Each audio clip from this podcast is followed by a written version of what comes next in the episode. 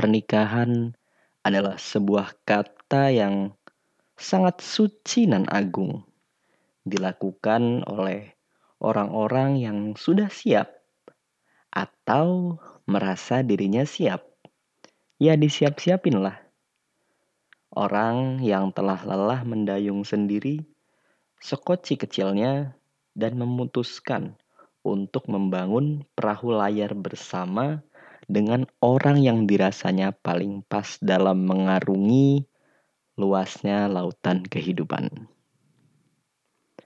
Oke, okay, back again with me. Jumpa lagi dengan saya, presenter yang ya biasa-biasa saja sih. Budoy di biar kayak orang. Kembali lagi di segmen sendiri ya. Episode ke berapa ini? Episode ke tiga mungkin ya. Di mana segmen ini gue Budoy akan monolog atau berbicara sendiri konsepnya. Akan membicarakan hal-hal yang menjadi keresahan pribadi sih lebih tepatnya. Tapi berkaitan dengan hal-hal yang lagi in sekarang, lagi viral sekarang. Tapi belum tentu membahas kasus yang benar-benar viral sekarang gitu. Kayak misalkan baru-baru ini ada kasus apa ya, catur-catur itulah ya. Nah itu kalau menurut gue misalkan itu ada bagusnya ya dan bisa gue bahas di podcast ya bakal gue bahas di segmen sendiri ini. Atau kalau misalkan tidak ada manfaatnya ya cuma drama-drama untuk menaikkan popularitas doang, menarikkan awareness supaya tetap menjadi perbincangan orang saja ya sepertinya skip ya. Ya tidak ya gue nggak terlalu suka drama-drama ya. Itu urusannya lambe turah gitu ya. Dan rumah Uya mungkin atau podcast Om Deddy gitu ya untuk membedah atau mengklarifikasi keruwetan dari drama-drama ini.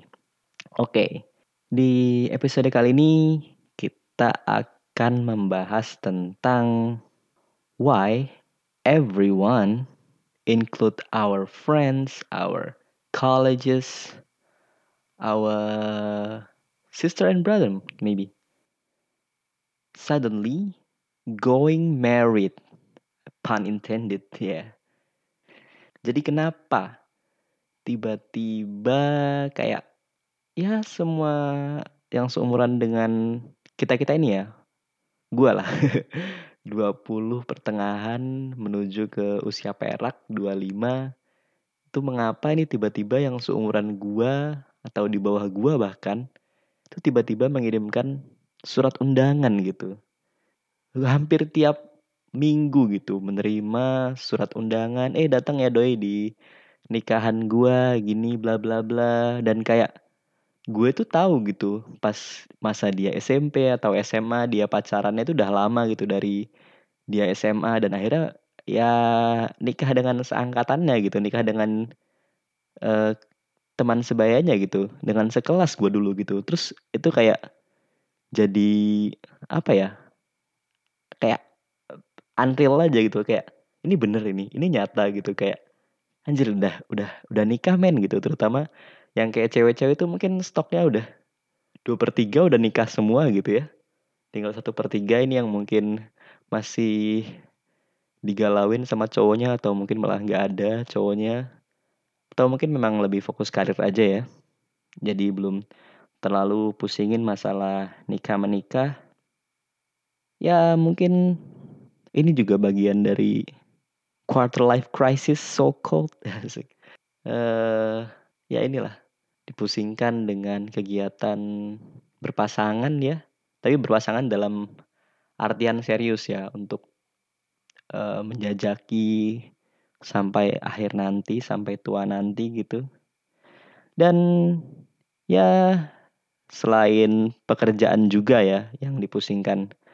Biasanya di umur-umur segini itu kita masih belum bisa dibilang senior lah ya masih baru kerja tahun pertama mungkin atau tahun kedua dengan gaji yang ya mungkin di bawah UMR atau mungkin pas di UMR dengan karir yang kita masih bingung apakah inilah benar-benar jalan hidup kita atau kita masih ingin mencoba karir path yang lain gitu kan. Nah, dengan gaji yang tidak seberapa ini kita juga masih harus dipusingkan dengan beban biaya untuk kita berteman ya. Dalam artian ke solidaritas dalam berteman satu geng kita pasti kan. Kalau di dalam geng-gengan gitu kan bikin grup WhatsApp sendiri gitu. Terus ada satu orang ini ingin nikah, eh aku mau nikahan nih, nanti datang ya gitu. Terus kayak oh iya um, gimana nih mau ada pesta bujang kah?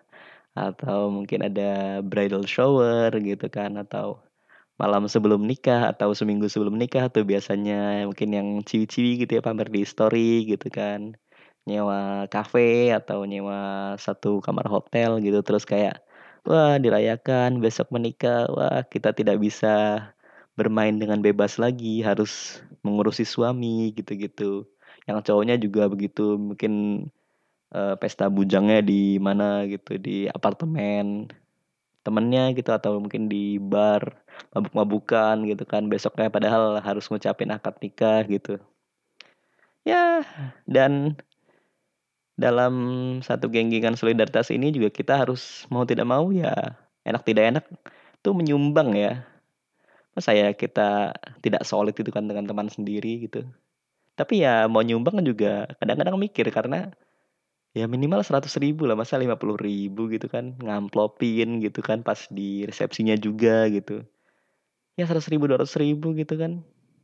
Lumayan untuk mengurangi jatah dari gaji yang sudah dipos-posin gitu. Apalagi kalau misalkan kita sebagai generasi sandwich yang harus membiayai diri kita sendiri dan juga harus membiayai adik-adik dan orang tua kita yang mungkin sudah masanya pensiun atau tidak bekerja lagi atau sedang terdampak corona ya. Ya memang pernikahan ini tidak hanya meribetkan sang mempelai cowok dan cewek tapi juga kadang-kadang meribetkan circle pertemanannya ini. Dan juga kadang-kadang memunculkan saudara-saudara jauh yang tiba-tiba perhatian pada kita gitu. Yang tiba-tiba ngasih wejangan nasihat-nasihat yang tidak perlu gitu kan. Yang wah harusnya gaya pernikahannya mau pakai adat ini karena ini. Wah eh, pakai dekornya yang ini aja, pakai bunganya yang ini gitu. Tiba-tiba sangat-sangat perhatian gitu dengan kehidupan kita. Padahal sebelum-sebelumnya ya ya biasa-biasa saja bertegur sapa ketika lebaran ya, mungkin hanya bertegur sapa kulit ya. Seperti ya ya udah ketemu setahun sekali, dia tidak akrab-akrab banget, tapi kalau misalkan ada nikah-nikahan, waduh, sudah menjadi seperti ini ya, master WO gitu. Nah, ngasih tahu undangan, ngasih saran undangan, padahal kita tidak minta gitu. Ya, begitulah. Semoga kita ketika nikah nanti dijauhkan dari precok-precok ini ya. Tapi ya sebenarnya agak sulit juga sih. Karena ya karena kadang mungkin dari kedua mempelai sendiri itu pengennya yang ya sederhana saja gitu kan nikah KUA gitu pengajian aja ya tapi ya emang keluarga cowok apa keluarga cewek nerima kan enggak. Maksudnya enggak enggak enggak pasti gitu enggak semudah itu gitu loh. Dan gue yakin tuh pasti banyak kan cewek yang males pakai high heels dan prefer untuk pakai sneakers saja gitu kan walaupun atasannya dress atasannya adat gitu. Ya karena stressful men kayak berjam-jam berdiri gitu kan uh, berdiri di kendangin atau dengan bass yang memekakan telinga ya yang bisa kedengeran satu RT gitu kan. Dengan musik-musik yang mungkin tidak sesuai dengan taste kita gitu. Musik-musik sejuta umat gitu terus harus menyalami ribuan orang gitu kan. Dengan apa ya, yang kadang kita tuh nggak kenal ini siapa gitu, tetangga bukan, kayak deket juga enggak gitu, tapi kenapa datang ke nikahan gua gitu, kayak anjing lu nggak penting banget di kehidupan gua gitu. Mending ngamplop kalau di depan. Ini memak datang-datang cuma buat prasmanan doang atau apa gitu. Dan kadang-kadang mungkin kayak ya sebenarnya juga nggak pernah kelihatan gitu kan di tetangga juga bokap nyokap nggak ngerti ini maksudnya dari mana gitu kalau dari keluarga mertua kan jauh biasanya tuh ya ini kayaknya tidak gitu kan jadi ya gitu sih kayak harusnya momen-momen itu tuh menurut gue kayak itu adalah momen sakral yang ya udah gitu yang datang itu ya orang-orang yang yang gue tahu aja gitu orang-orang yang memang menurut gue penting menurut pasangan gue penting atau mungkin memang ya memang ya dekat lah ada relasi dengan orang tua atau dengan mertua gitu. Bukan orang-orang yang merasa sok penting gitu. Yang tiba-tiba datang salam-salaman gitu kan. Tapi tidak ada tempelannya tidak ada amplopnya. Lalu cuma numpang ya cuma numpang lihat-lihat doang gitu. Terus nyacatin gitu kan. Aduh gue pernah dapat tuh kasusnya kayak nikahan gitu kan tetangga gua gitu kan dengan konsep yang ya keren lah sebenarnya nih ya, sangat kota tapi berhubung karena ya gua tinggal di tempat yang ya nggak nggak desa sih sebenarnya. Tempatnya rada kota tapi mungkin pemikirannya belum maju gitu kan. Terus ya udah orang-orang yang datang hanya cuma bisa nyacatin doang gitu. Kayak oh ini kok uh, fotonya ditaruh di ini kayak jemuran gitu di pakai tali-tali rami. Iya, kalau misalkan di sini memang nggak ada, tapi kalau di Jakarta itu orang pakai gini semua gitu loh. Jadi kan ya udahlah, kita memang harus sering siapin earbuds sekali ya yang ada noise cancellation gitu. Jadi kalau ada omongan tetangga yang bacot gitu kan kita tinggal pakai itu terus hidupin apa gitu, hidupin musik-musik metal gitu yang keras-keras biar bacot tetangga ini udah nggak masuk lagi gitu ke dalam gendang telinga kita gitu. Ya personally mungkin ada beberapa alasan dari teman-teman kita yang sudah berani mengambil langkah untuk masa depannya yaitu dengan menikah. Ya, kita banyak kita hampir tiap minggu ya melihat updatean di grup angkatan mungkin grup SMA, kuliah atau tentang menikah ya. Jadi mungkin di umur ya di bawah 30 lah mungkin 25, 26, 27 untuk yang cowoknya dan yang ceweknya mungkin sekitar 25 ke bawah gitu 24, 23 gitu. Ya salah satu alasannya mungkin karena ketika mendapatkan keturunan, ketika punya anak itu ya usianya tidak berbeda jauh gitu kan dengan papa mamanya gitu. Dan di masa digital sekarang pun anak yang baru lahir ini bisa dijadikan konten gitu. Bisa dijadikan tulang punggung keluarga yang baru selain bapaknya gitu ya. Ya kita bisa lihat kayak Sabiru gitu kan, Rafathar gitu. Bisa di milking, bisa di mining gitu kan. Dipekerjakan gitu tanpa terkena sanksi hukum gitu. Sanksi hukum mempekerjakan anak di bawah umur gitu kan ya. Walaupun mungkin secara jenis konten pun ya Sebenarnya ya biasa banget sih kayak ya kehidupan sehari-hari gitu kan. Ya bayi pada umumnya gitu. Anak kecil pada umumnya yang masih belum tidak tahu yang masih belum tahu apa-apa gitu. Dari melek mata gitu kan sampai dia menutup mata kembali gitu untuk tidur ya dirinya selalu diikuti dengan kamera gitu jadi setiap detiknya akan dilihat oleh om-om dan tante-tante online yang akan komen dan melike postingannya dan akan mendatangkan uh, traffic yang bisa membuat brand-brand atau mengendorse lah si akunnya Sabiru gitu atau Rafathar lah atau siapa pun itu anak artis yang terkenal gitu ya. Sebelum episode ini terdengar sangat salty ya kepada teman-teman gua mungkin pada saudara-saudara yang di umur yang sama sudah berani mengambil pilihan untuk menikah. Um, di sini gue mau disclaimer. Kalau sebenarnya posisi gue memandang teman-teman gue atau rekan-rekan gitu yang telah berani mengarungi hidup baru dengan pasangannya itu ya tidak membenci sih gue tuh malah lebih ke kagum aja gitu. Dan kayak wow keren banget gitu. Dan selain kaget yang tadi itu ya ya keren aja gitu. Mereka ya sudah berani mengambil langkah itu gitu. Sedangkan di pemikiran gue itu bagi gue konsep pernikahan konsep yang masih sangat sangat jauh gitu. Bahkan gue memprediksi diri gue sendiri itu mungkin baru mulai memikirkannya di akhir 20 gitu jadi mungkin gue menikah 30 tahun gitu dan ya gue udah membicarakan ini dengan pasangan gue yang sekarang dan ya sepertinya kita masih bisa saling menerima gitu ya itulah kunci dari sebuah uh, pasang-pasangan ini adalah komunikasi ya. Nah, kita akan membahas komunikasi berpasangan itu di episode yang lain ya. Bagaimana tips dan trik ya untuk bisa saling terbuka gitu. Tidak ada yang ditutup-tutupi agar uh, terjalin informasi yang baik gitu antar kedua pasangan. Oke, lanjut ke yang tadi. Kenapa? Bagi gua konsep pernikahan itu adalah konsep yang masih sangat jauh ya.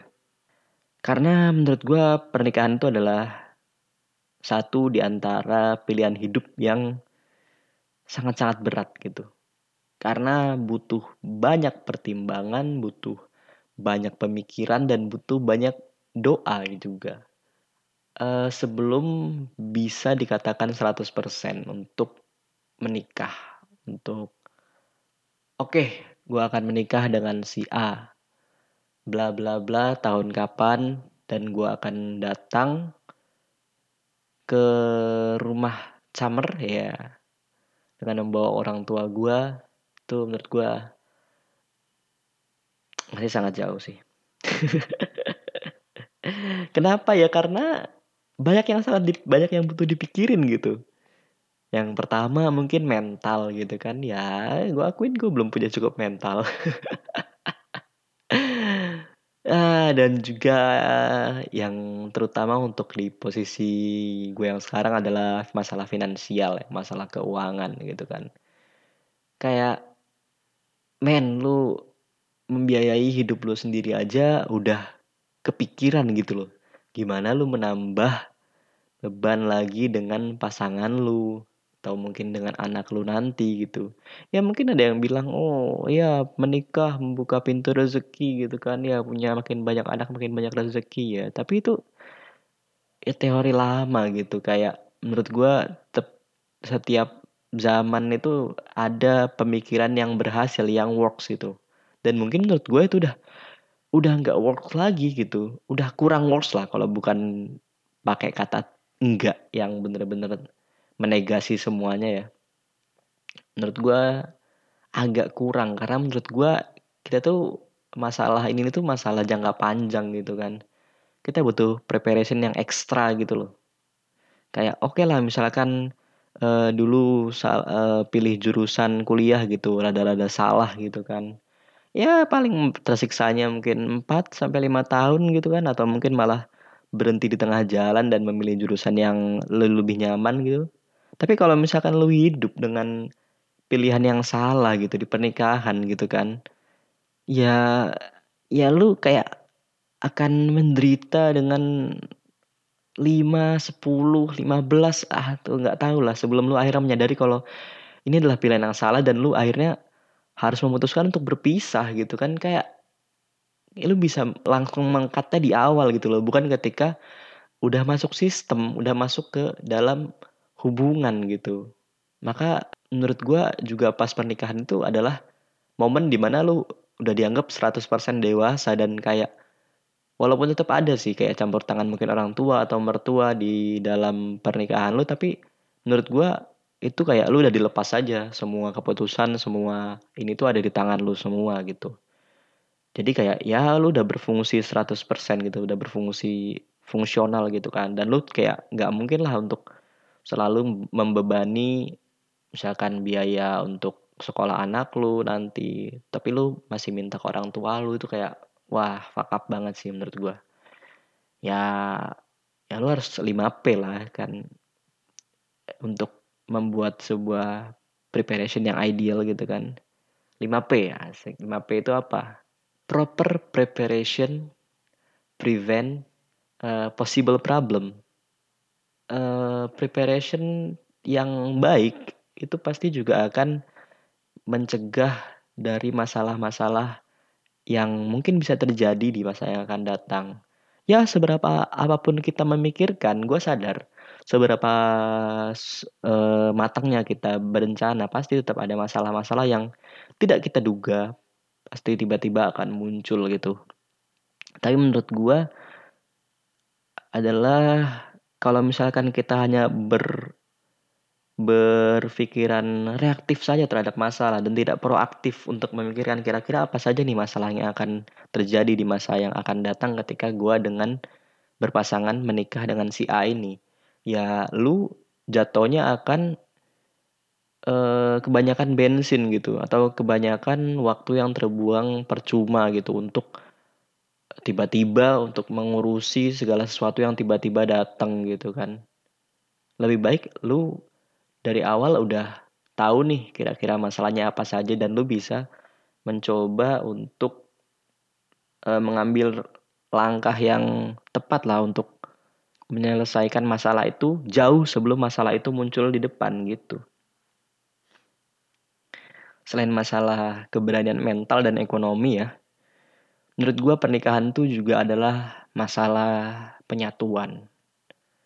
Ya penyatuan dengan lu dan pasangan lu tidak hanya masalah penyatuan visi misi, tujuan hidup lu, taraf hidup lu, sosial hidup lu dengan pasangan lu, nanti pembagian keuangan gimana, apakah istri full membiayai kehidupan rumah tangga dan sang suami yang akan uh, memberi memberikan pengeluaran di masalah-masalah yang lebih besar seperti pendidikan anak atau asuransi ataukah mungkin ada tabungan bersama gitu. Kalau ada misalkan selisih harta gono gini, apakah itu akan dibagi dua ataukah emang dijadikan satu? Banyak masalah terutama tentang ekonomi juga ya yang menurut gue masih masih butuh dipersiapkan gitu dari diri gue sendiri dan juga pasangan gue gitu yang sekarang untuk bisa mengambil langkah ke depannya. Belum menyatukan masalah waktu, membagi waktu yang dimiliki oleh pribadi. Jelas dulu pada saat kita misalkan masih bujang ya, masih um, gadis, belum memiliki pasangan, kita uh, bebas mengatur waktu untuk diri kita sendiri, full. Semua kebebasan itu akan perlahan akan menghilang ketika kita mempunyai pasangan. Sudah pasti kita akan membagi waktu kita selain untuk pekerjaan juga mungkin uh, sebelumnya juga untuk orang tua dan juga untuk sanak saudara kita juga akan membagi waktu porsi besar dengan pasangan kita.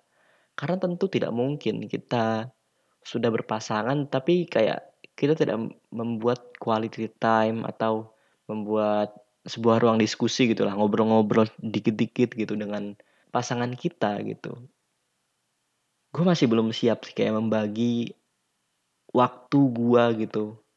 Harus untuk pasangan gue gitu kan. Ya dan juga membagi masalah membagi masalah. Dalam artian ketika pasangan gue mempunyai masalah tentu gue pasti harus hadir di situ. Dan pasti gue harus uh, mencobalah menyelesaikan masalah. Juga begitu juga dengan pasangan gue pasangan gue juga tentu akan mencoba untuk meringankan masalah yang gua rasakan pada saat itu. Mending masalah yang datang itu datang dari kita sendiri, kita pribadi antara dua pasangan. Mungkin karena kurang komunikasi atau kurang apa gitu. Um, tapi kalau misalkan masalah itu datang dari sumber-sumber luar, misalkan masalah dengan mertua yang kurang cocok dengan gaya berpasangan kita gitu, gaya berkeluarga kita yang mungkin sedikit menabrak nilai-nilai yang selama ini dimiliki oleh mertua, tentu kita pasti akan apa ya, menginvestasikan waktu yang lebih gitu. Karena tentu jelas merubah nilai-nilai itu lebih susah ya dibandingkan masalah-masalah sepele tentang finansial gitu. Belum lagi masalah menyatukan dua keluarga gitu. Misalkan gua, gua mempunyai basic keluarga yang uh, ya lumayan religius dan juga kita memegang nilai-nilai yang keluarga banget lah, keluarga is number one gitu.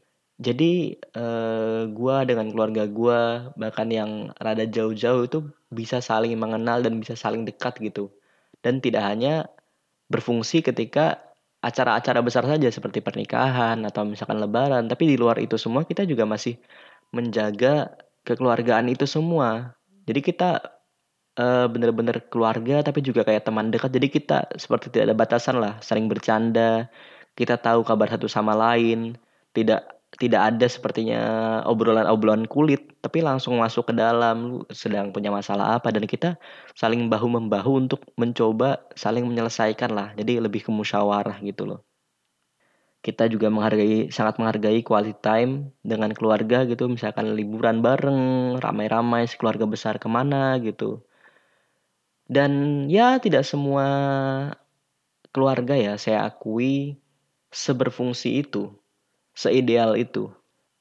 Tapi ada juga keluarga-keluarga yang ya walaupun semuanya di rumah ngumpul, tapi ya obrolan ya standar-standar saja. Tidak ada seperti tidak ada yang spesial gitulah dan tidak ada kedekatan antara satu sama lain gitu.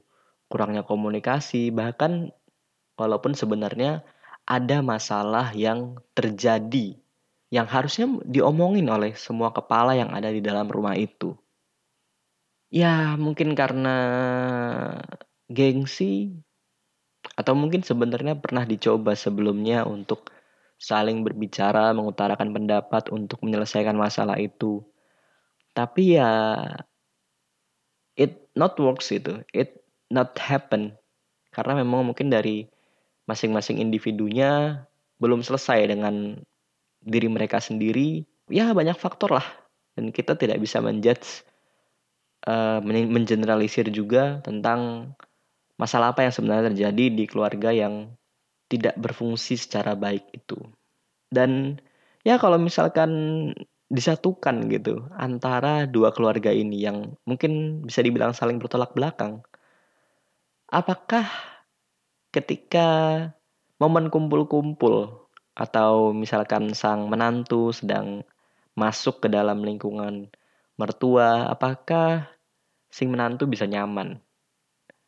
Karena menurut gue itu adalah momen di mana ya gue nggak pengen lah uh, menjadi fake gitu atau memakai topeng untuk uh, bisa masuk ke dalam lingkungan yang baru gitu karena gue pengen ya inilah gue apa adanya gue gitu. Ya gue gua begini ya silahkan mungkin tidak cocok ya tidak apa-apa gitu. Tapi gue ya ya sudah gitu. Tidak tidak pengen juga kayak oh dicap jelek yang mungkin sebenarnya lu tidak pernah ngobrol dengan gue tidak pernah menanyakan langsung ke gue lu itu kenapa? Atau mencoba mengerti lah tentang apa yang sebenarnya gue pikiran apa yang sebenarnya menjadi nilai-nilai dalam diri gue gitu. Dan misalkan sebaliknya uh, si pasangan yang tadinya didatangi itu balik main ke keluarga yang mertuanya itu apakah dia akan merasa diterima? Atau apakah dia merasa ini semua normal gitu? Ya susah lah ketika misalkan lu masuk ke dalam lingkungan yang lu tidak terbiasa menghadapinya gitu. Apakah lu akan canggung? Dan pasti canggung sih yakin. Dah itulah yang gue pikir kayak ketika lu sudah tahu uh, momen-momen apa sih yang kira-kira bakal terjadi ketika gue bersama dengan si pasangan ini, dengan pasangan lu yang sekarang gitu untuk menikah. Ya mungkin lu bisa men uh, meminimalisir lah bagaimana caranya untuk menghilangkan masalah-masalah yang kemungkinan terjadi di masa yang akan datang gitu. Kalaupun lu masih ingin bersama dengan pasangan lu yang sekarang gitu untuk melanjutkan ke jenjang selanjutnya. Dan kalau misalkan memang masalah itu terlalu tidak masuk akal menurut lu, misalkan eh, yang terlalu prinsipal gitu nilai-nilai ya mungkin ada baiknya udahan aja gitu. Tapi ya ya itu gua gua yakin sulit sih pasti pilihan-pilihan sulit kayak soalnya masalah itu bukan berasal dari pasangan lu sendiri gitu. Masalah itu berasal dari orang-orang di sekitarnya gitu e, lingkungan sekitarnya gitu circle di luar dia. Tapi e, lu ketika lu menikah ketika lu berpasangan itu adalah lu mendapatkan full package. Lu juga bukan hanya menikahi pasangan lu tapi lu juga menikahi temannya circle-nya gaya hidupnya ekspektasinya, tujuan-tujuannya, gaya komunikasinya, dan juga keluarga besarnya, orang tuanya, adik-adiknya, kakak-kakaknya, dan lain sebagainya. Jadi ya lu memasukkan orang, orang baru ke dalam sistem hidup lu jauh ma lebih masuk dibanding mungkin orang tua lu atau saudara kandung lu atau siapa pun yang pernah lu temui yang pernah masuk ke dalam sistem hidup lu. Jadi menurut gue banyak yang lagi dipikirin. Belum masalah ekonomi, ekonomi global, industri 4.0, wah, tantangannya sangat berat. Belum lagi mendidik anak yang di zaman serba digital yang sudah jauh lah dari zaman kita lahir dulu. Zaman di mana anak lahir setahun dua tahun sudah langsung menghadap ke layar. Yang sebenarnya dari beberapa penelitian tidak baik lah untuk perkembangan anak gitu. Dan kalaupun kita tidak bisa mendidik anak sendiri gitu kan, karena kita pasti bekerja lah ya. Ya pasti kita akan masukkan anak kita ke sekolah gitu kan. Dan belum kita pasti wah melihat rangkuman biaya sekolah anak ya. Wah itu udah rasanya udah kayak pengen menangis saja gitu. Kayak anjir ini duit dari mana? Bisa menyekolahin anak di tempat yang terbaik lah. Dan pasti tempat yang mantap juga membutuhkan uang yang mantap juga. Waduh. Ini berkaitan dengan ekonomi ini ya gue rasa gue harus ngomong ini sih kayak kita harus menormalize atau membiasakan lah untuk melihat pernikahan itu ya ya udah sederhana gitu loh. Di KUA aja gitu pengajian di rumah gitu resepsi kecil-kecilan di rumah aja yang yang undang juga cuma ya mungkin se RT aja tangga-tangga dekat aja atau mungkin ya relasi-relasi yang agak jauh gitu kan. Circle-circle terdekat kita teman-teman terdekat kita aja pengajian gitu ya udah. Udah gitu aja di rumah gitu. Nggak usah lah kayak yang wah besar-besaran di gedung gitu kan. Terus mungkin harus uh, pesta taman gitu kan. Nyewa WO gitu semuanya diurusin dari bajunya dari wah konsep ininya nanti ada tujuh hari sebelum ada prewedding dulu ya di tempat-tempat yang legendaris gitu kan dengan tema yang aneh-aneh gitu kan. Terus bayar video videografer gitu dibuat birol gitu kan dibuat sinematik sinematik wah biar bisa diupload di Instagram gitu kan. Udahlah kita biasa-biasa saja gitu kan. Nggak usah lah kayak pernikahan gitu kayak sampai ratusan juta gitu mm-an gitu tapi uangnya nggak ada gitu kan. Uangnya dapat ngutang sana sini dan juga bukan uang kita sendiri gitu kan. Misalkan bantuin orang tua dibantuin mertua gitu kan. Kayak ya apa gitu. Mending uangnya buat rakit PC oh enggak di. Mending ya ya uangnya buat ketika setelah akad itu setelah resepsi itu. Karena kata Yonglex nih, woi. Ya kata Yonglex dong, patokannya Yonglex ya. Tapi bener. Jadi kita jangan melihat orangnya, kita melihat perkataannya. Asik. Kata Yonglex yang walaupun nikah setelah menghamili orang ya. kata Yonglex di nikahan Reza Arab kemarin. Pernikahan itu bukan pas saat ini. Nah, maksudnya dia merefer pada resepsinya si Reza Arab yang di Bali kemarin. Bukan pada akad ataupun resepsinya. Tapi jauh setelah itu. Iya, jauh setelah itu ya ketika sudah tidak menjadi putri dan pangeran dalam sehari itu. Kembali ke kehidupan biasa kepada kembali pada menjadi negara, warga negara yang baik gitu kan yang membayar pajak gitu. Kembali memakai daster memakai kaos kutang gitu ya dengan celana boxer. Ya itu dengan masalah-masalah rumah tangga atap bocor gitu kan. Terus cupang belum dikasih makan gitu. Terus listrik titit-titit gitu kan. Listrik bunyi-bunyi belum dibayar gitu. Ya itulah. Kembali ke situ. Ya itu pernikahan itu. Cuma bedanya ya harus dijalani dengan berdua aja gitu. Ada partnernya gitu lah kayak main co-op aja. Lu nggak single player tapi multiplayer sekarang ya gitu ya. Iya ya gue akuin lah tapi nikah memang juga ada enaknya lah ya lo bisa apa enak-enak tiap hari gitu kan. Lo tidur ada yang ditemenin gitu ada yang bisa diajak ngobrol kalau lo pusing bla bla bla. Tidak menjalani semuanya sendiri gitu.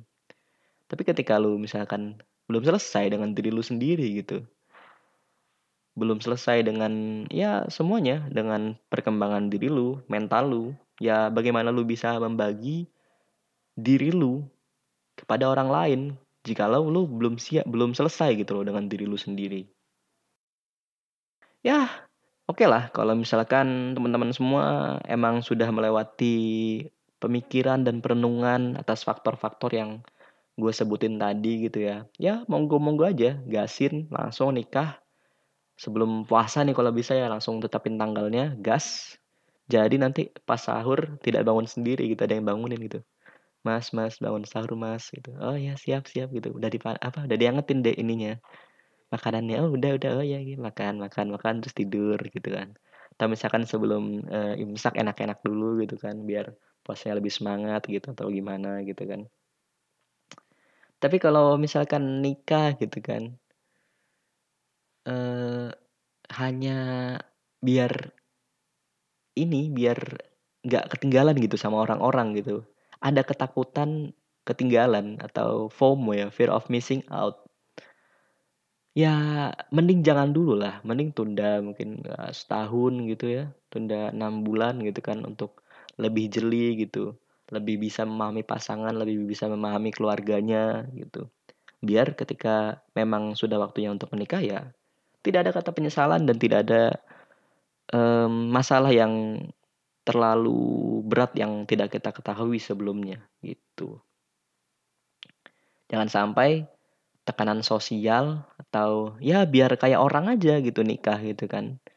Biar ya status ya biar kayak orang gitu ya menikah gitu di KTP-nya, tidak apa, tidak single, tidak jomblo gitu kan. Ya buat apa gitu kan. Mau tiba-tiba ternyata mertuanya makan soto gitu pakai tangan gitu kan yang bikin lu jijik gitu kan dan itu jadi makanan dia setiap hari gitu.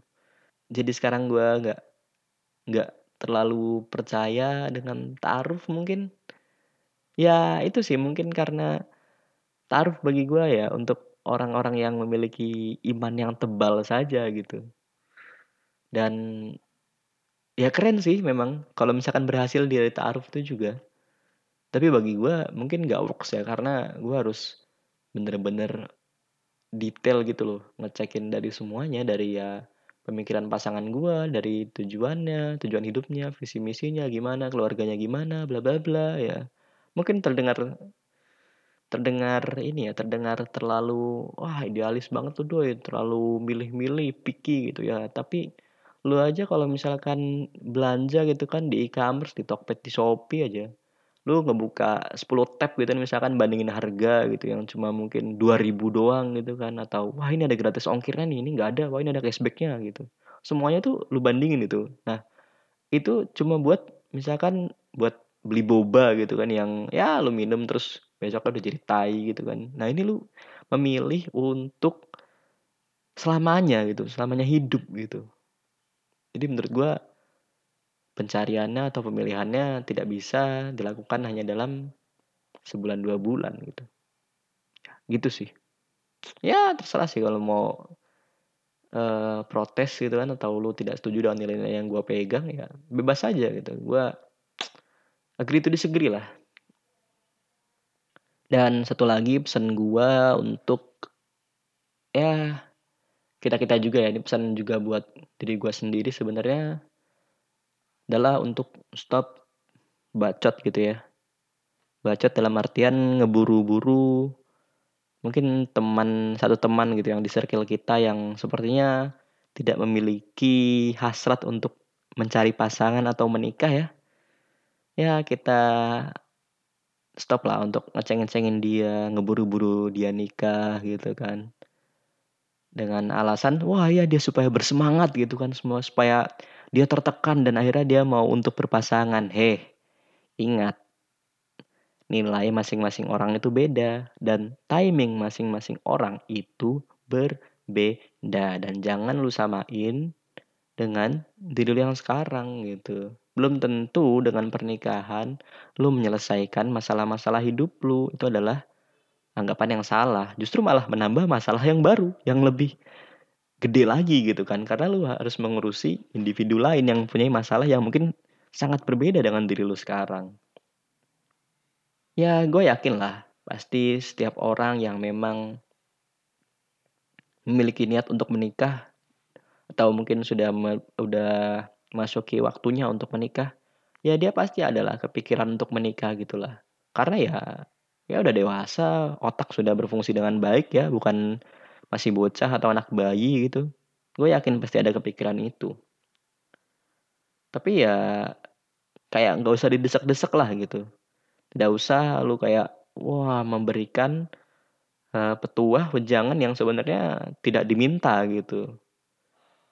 Ada kalanya lu harus stop bacot gitu ya terus memulai untuk mendengarkan gitu tapi mendengarkan dalam sini ya udah mendengarkan aja bukan mendengarkan untuk pengen balas jawab balik gitu loh. Mendengarkan keluh kesah apa yang mereka alami gitu. Apa yang mereka eh, apa sih ganjalannya dalam mencari pasangan gitu kan. Dan mungkin di situ lo baru bisa masuk gitu lo baru bisa ngasih input bisa ngasih saran bagaimana sebaiknya memang untuk membuka diri mungkin. Atau mungkin untuk bisa lebih pede dalam memulai sebuah hubungan. Karena ya masing-masing orang pasti punya uh, punya masalahnya sendiri gitu loh.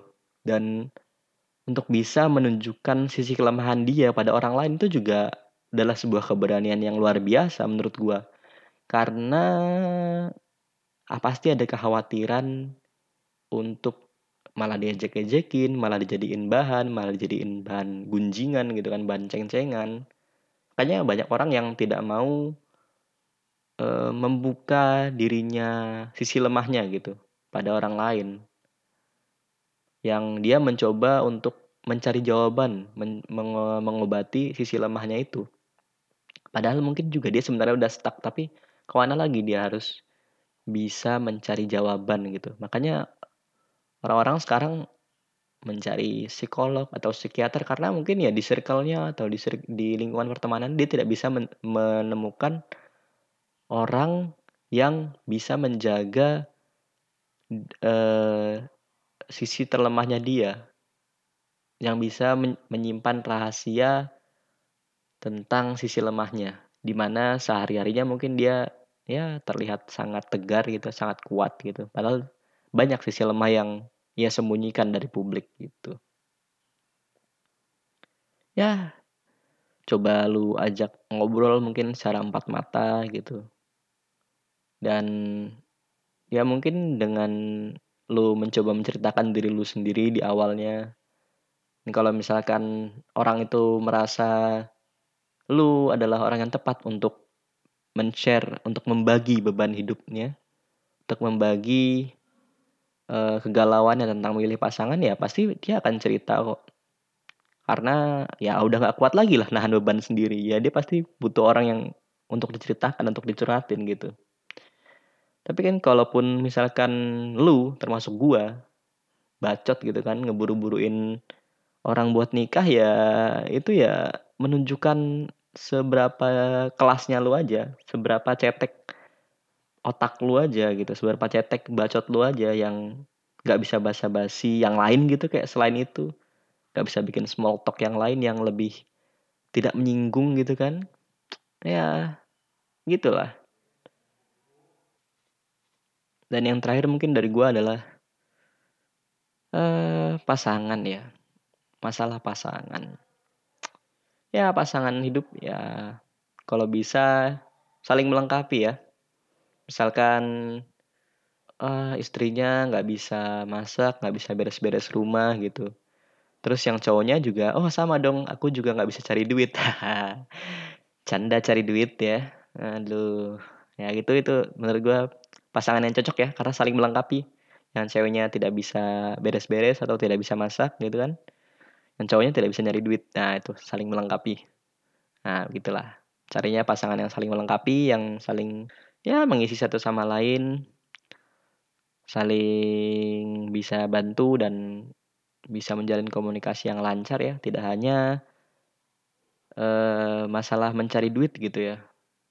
Tidak hanya masalah duit duit duit gitu, tapi juga bagaimana kita menjadi manusia yang seutuhnya gitu, manusia yang berfungsi secara sosial dan secara antar pasangan kita sendiri. Gitu. Dan kalau misalkan memang sudah terlanjur ya memilih pasangan ya ya belajarlah mencintai belajarlah mendengar ya menurut gue itu aja sih sebenarnya masalah relationship tidak jauh dari itu tapi terkadang kita memang terlalu muluk-muluk ya terlalu advance gitu kita mencoba apalah teknik-teknik apa gitu untuk memperhangat hubungan tapi ternyata semua jawabannya itu ada di pelajaran basic gitu ada di pelajaran yang mungkin menurut kita sudah baik padahal sebenarnya masih jauh dari kata cukup. Ya mungkin cukup sekian ya. Wah udah satu jam nih. Udah kayak podcast-podcast keren nih bakal didengerin aja. Kayak bakal didengerin nih sampai akhir. Ya udah ya itu aja sekian dari gue. Oke gue Budoy sampai berjumpa lagi di segmen-segmen sendiri gitu. Di mana kita membicarakan hal-hal viral atau di segmen yang lain. Oke terima kasih. Thank you.